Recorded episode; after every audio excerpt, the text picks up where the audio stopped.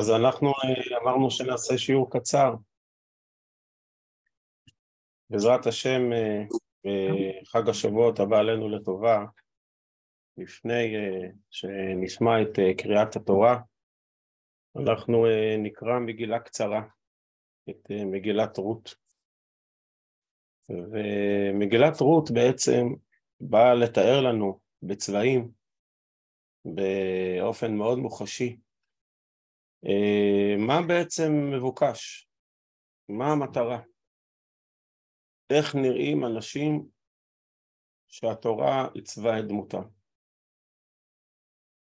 התורה באה אלינו משמיים בקול שופר חזק, עם לפידים ואש, וזה מעמד מרעיד. אבל אנחנו רוצים להסתכל בארץ גם. איך בארץ, פה בשדה, איך ממש פה למטה, איך נראית נפש שהתורה עיצבה אותה. אנחנו רואים את בועז, בועז הזה אדם בכיר מאוד, הוא uh, מנהיג ויש לו המון שדות ופועלים והוא אדם מאוד מאוד מכובד. והאיש המכובד הזה הולך, uh, אומר לכל הפועלים שלו שלום והעין שלו מיד תופסת, יש פה מישהי חדשה. שמרגישה קצת בצד, שצריך לעודד את רוחה. ואולי זה לא למעמד שלך, לא. הקדוש ברוך הוא ירד על הר סיני, וירד השם על הר סיני. הקדוש ברוך הוא משפילי לראות בשמיים ובארץ. זה מה שתורה מחנכת אותנו. שהקדוש ברוך הוא יורד על הר סיני, אל ההר הכי נמוך, וסיני אומר האבן עזרא זה מלשון סנה, שהסנה זה המקום הראשון שהקדוש ברוך הוא דיבר עם משה, הסנה הוא שיח נמוך מאוד, זה לא עץ גבוה.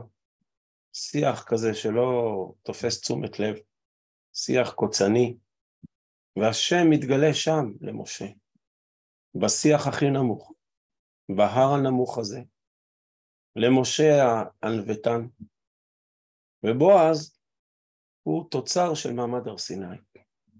והעיניים שלו מיד פונות אל מישהי שנמצאת שם ומרגישה בצד, מרגישה קצת לא מחוברת, לא שייכת. פיה פתחה בחוכמה ותורת חסד על לשון. התורה מלמדת אותנו שאנחנו לא רק עושים חסדים, אנחנו צריכים לעסוק חסדים בחוכמה.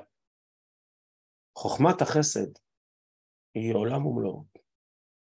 אפשר ללכת לרות ולתת לה צדקה, לתת לה אה, שק של שעורים, שק של חידים, אפשר לתת לה כסף.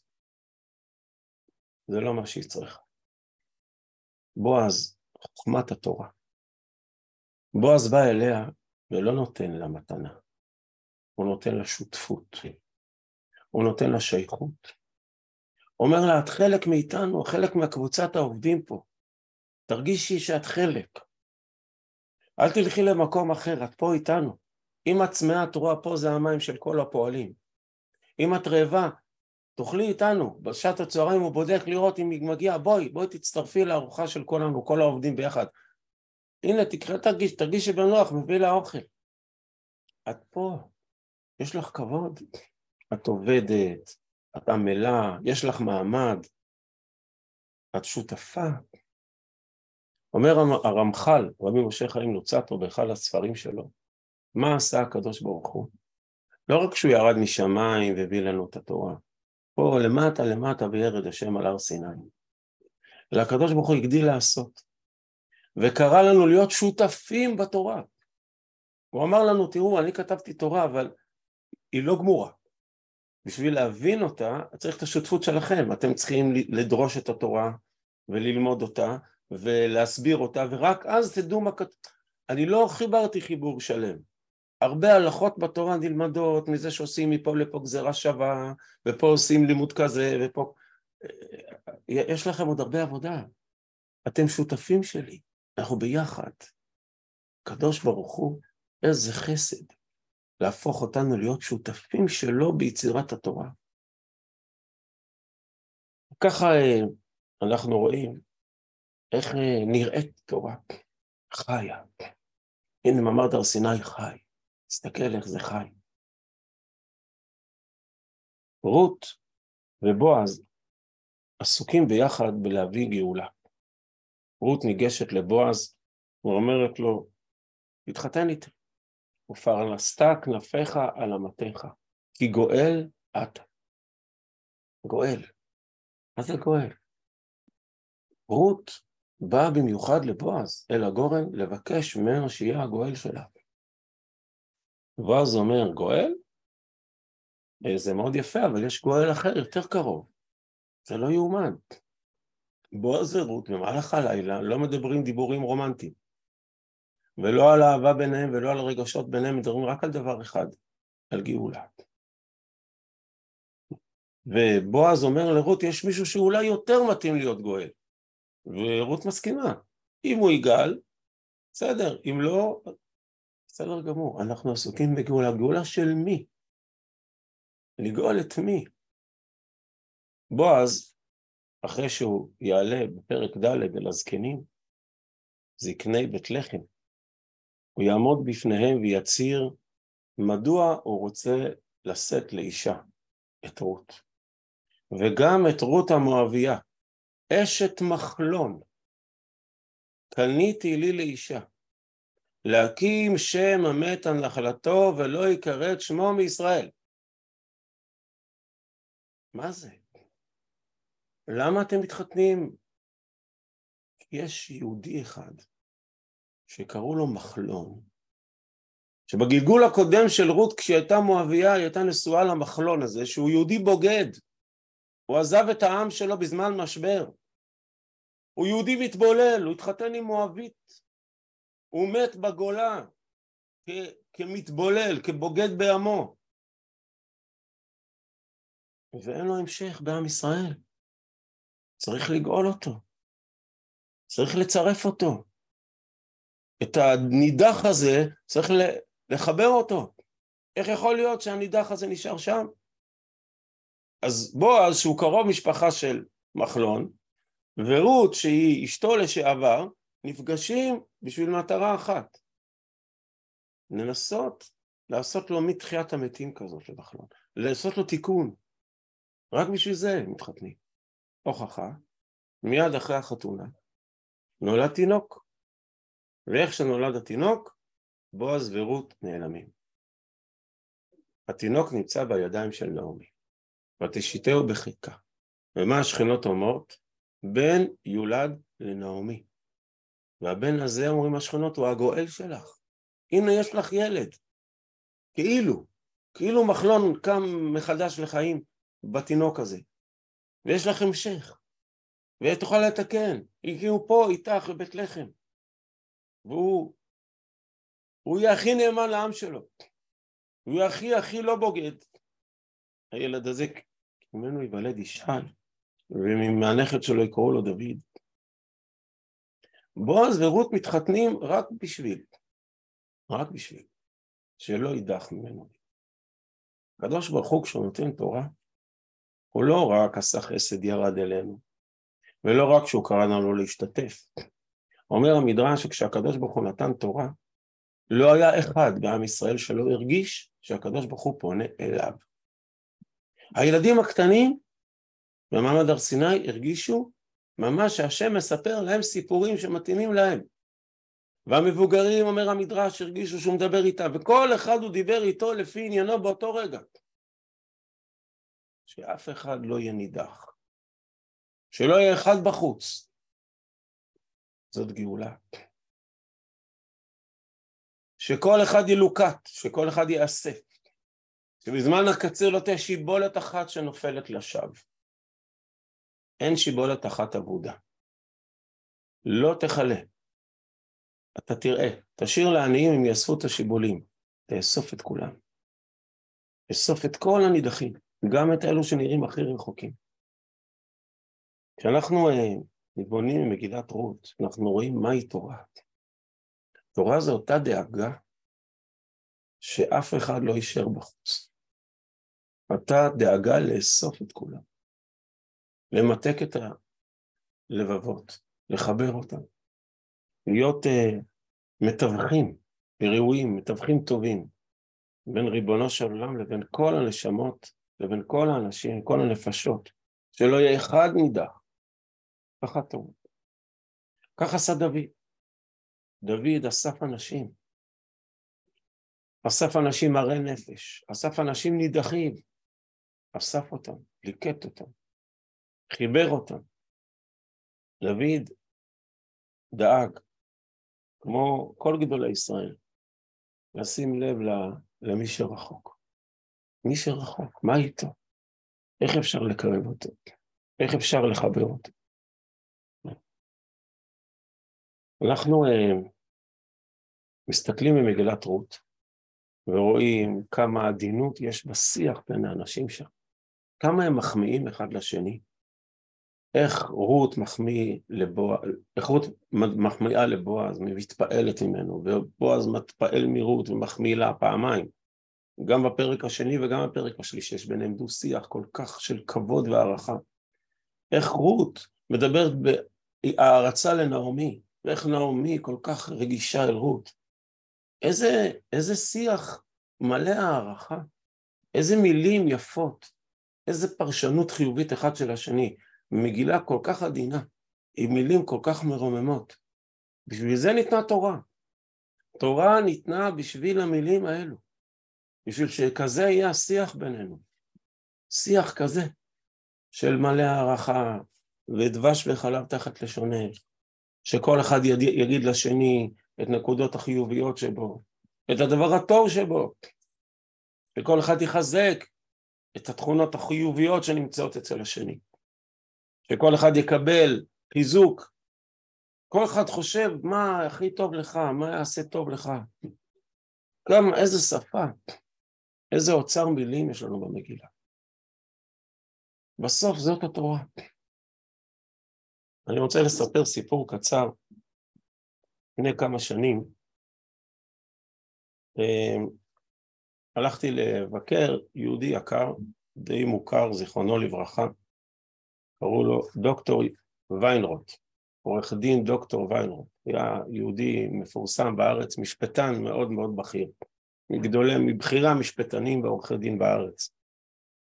ובסוף ימיו הוא חלה במחלה קשה, והלכנו אה, לבקר אותו, כי בשנים האחרונות לחייו הוא מאוד רצה תנ"ך, תנ"ך, תנ"ך, כל הזמן רק תנ"ך עניין אותו. ונוצר קצת קשר, והוא היה מאוד חולה כבר, באמת, מאוד, מראה קשה היה לראות אותו, מאוד מאוד חולה. ואז הבאתי לו, זה היה קצת לפני שבועות, הבאתי לו מגילת רות. והוא כל כך התרגש ושמח ורעד כולו. הוא אמר לי, אתה יודע, כל החיים שלי הפעלתי המון את השכל. אני אהבתי את כל הפלפולים וההתחכמויות והמחקר, ואני אה, הפעלתי המון את השכל כל החיים שלי. אבל בסוף הוא אומר לי, בסוף, בסוף, בסוף, אתה שואל את עצמך, אז מה, אז מה הסיפור? אז מה הסיפור? תסתכל, הוא אמר לי על מגילת רות. מגילת רות זה מטרת כל התורה כולה.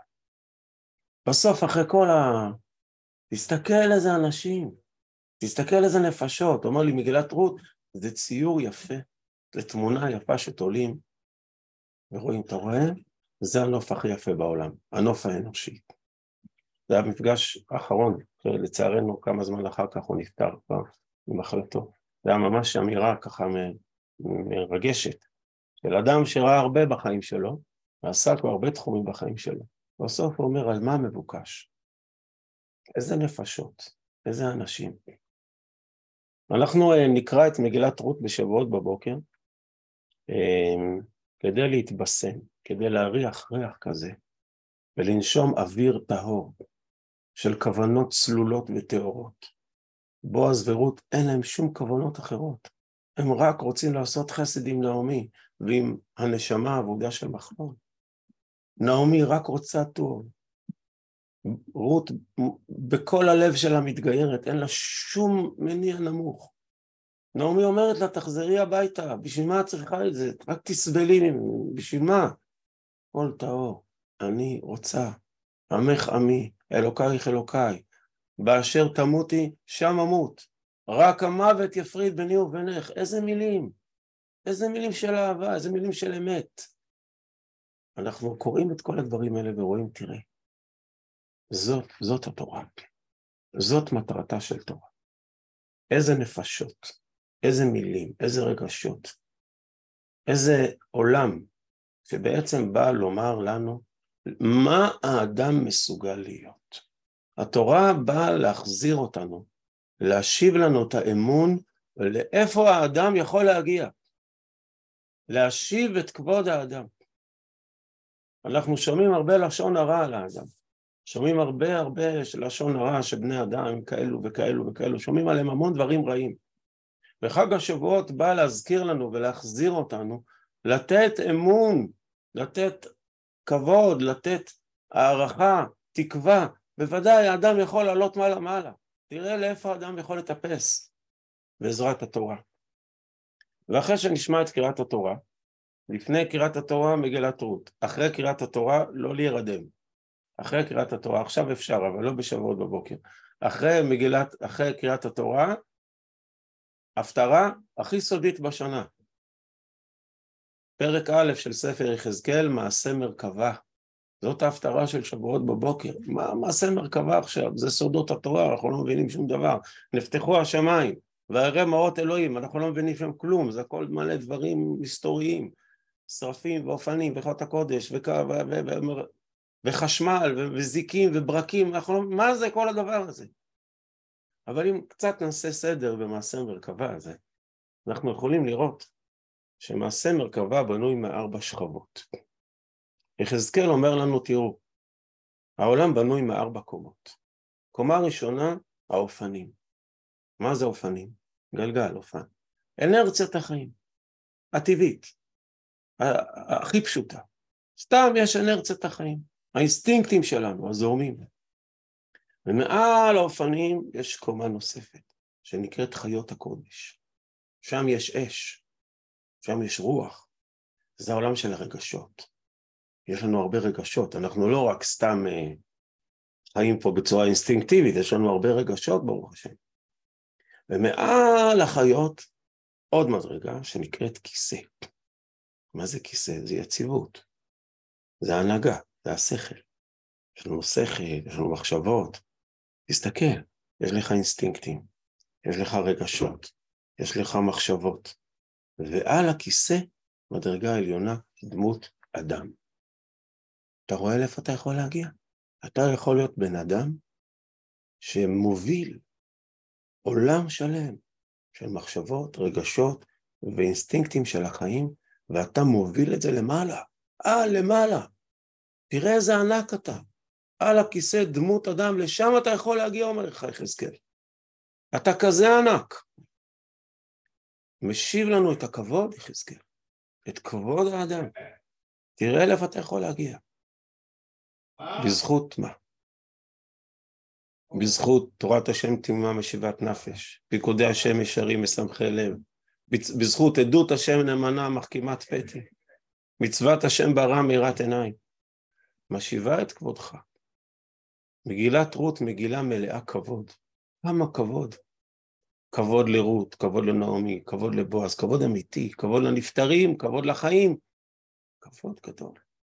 משם, משם תבוא הגאולה שלנו, משם תבוא התקווה שלנו. אנחנו uh, נקרא את עשרת הדיברות, בעזרת השם, ואומר המהר"ל מפראג שהציר המרכזי של עשרת הדיברות זה מצוות כיבוד אב היא נמצאת בדיוק באמצע. מסיימים את חמש הדיברות של בן אדם למקום, מתחילים חמש דיברות של בן אדם לחברו, בדיוק באמצע כיבוד אב ואם.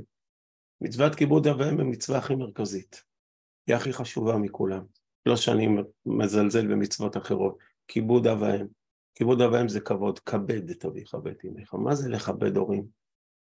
לכבד אבא ואימא זה לכבד את עצמנו. זה להגיד, אבא ואימא, אתה יודע מה זה אבא ואימא? אבא ואמא זה רצונות, זה רגשות, זה מחשבות, זה התמסרות, זה כל הדברים הכי יפים בעולם. אבא ואמא זה נתינה והקרבה, זה התחשבות, זה שותפות, זה ירידה למטה, זה, זה את כל האנרגיות, זה כמו בועז בשדה. הוא מסתכל תמיד על, על הילד הקטן ודואג לו, וחושבים מאוד להשתתף איתך, ובוא ניקח אותך, ולדבר כל אחד לפי עניינו ולעזור כל וכל הזמן להתמסר. אתה מכבד את אבא ואמא. אתה פתאום מבין מה זה בן אדם. אתה יודע מה זה בן אדם? זה בן אדם. אז עכשיו אתה מכבד גם את עצמך. אתה לא תזלזל בעצמך. אתה תהיה אדם מכובד. אתה תהיה אדם כזה. התורה כולה באה לחנך אותנו. להבין שהחיים שלנו מלאים כבוד. אין כבוד אלא תורה. כבוד אמיתי. הכבוד האמיתי שלנו זה שיש לנו כוונות טובות ומחשבות צלולות ומניעים טהורים ולב טוב וחסד אמיתי וחוכמה ויושרה, זה כבודנו האמיתי. אנחנו מבקשים רק לב, לב אמיתי, לב טהור. הלב שלנו, התורה מתחילה באות ב', מסיימת באות ל', התורה כולה נמצאת בתוך הלב שלנו, ולב 32, 32 נתיבות חוכמה, 32 בגימטריה כבוד. התורה באה להשיב לנו את הלב, להשיב לנו את הכבוד העצמי שלנו. מגילת רות היא מסמך מרכזי, ראשי בעולם לכבוד האדם. תראה למה האדם מסוגל להגיע. תראה לאיזה גובה האדם יכול לטפס. אף אחד יכול לעמוד מול זה. אנחנו נמצאים אומנם בתקופה מאוד מאוד אה, מודרנית, אבל אין כמו ספר תהילים, אין כמו ספר משלי, אין כמו הספרים האלו שמחזירים לאדם את כבודו, את כבודו האמיתי. מי, מי יכול לעמוד מול תהילים? יש מישהו בעולם שיכול לעמוד מול הספר הזה? איזה כבוד הוא נותן לאנושות, משיב לאדם את כבודו האמיתי. תראה איזה טהור אתה יכול להיות, תראה איזה אצילי אתה מסוגל להיות. בשביל זה קיבלנו תורה מן השמיים. מה שחשוב באמת, שיהיה לכולכם חג שמח ומאיר והרבה נחת מכל המשפחה, ושנזכה בעזרת השם, שקבלת התורה תהיה במתיקות ובאהבה, דבש וחלב, ושתהיה אווירת חג משמחת בכל בתי ישראל, ושבעזרת השם ישרור השקט והשלום בכל ארצנו הקדושה, ובעזרת השם שנשמע תמיד מכולכם בשורות טובות, ישועות ונחמות. חג שמח. אמן, תודה רבה. תודה רבה, הרב קשתיאל. בשורות טובות. אמן.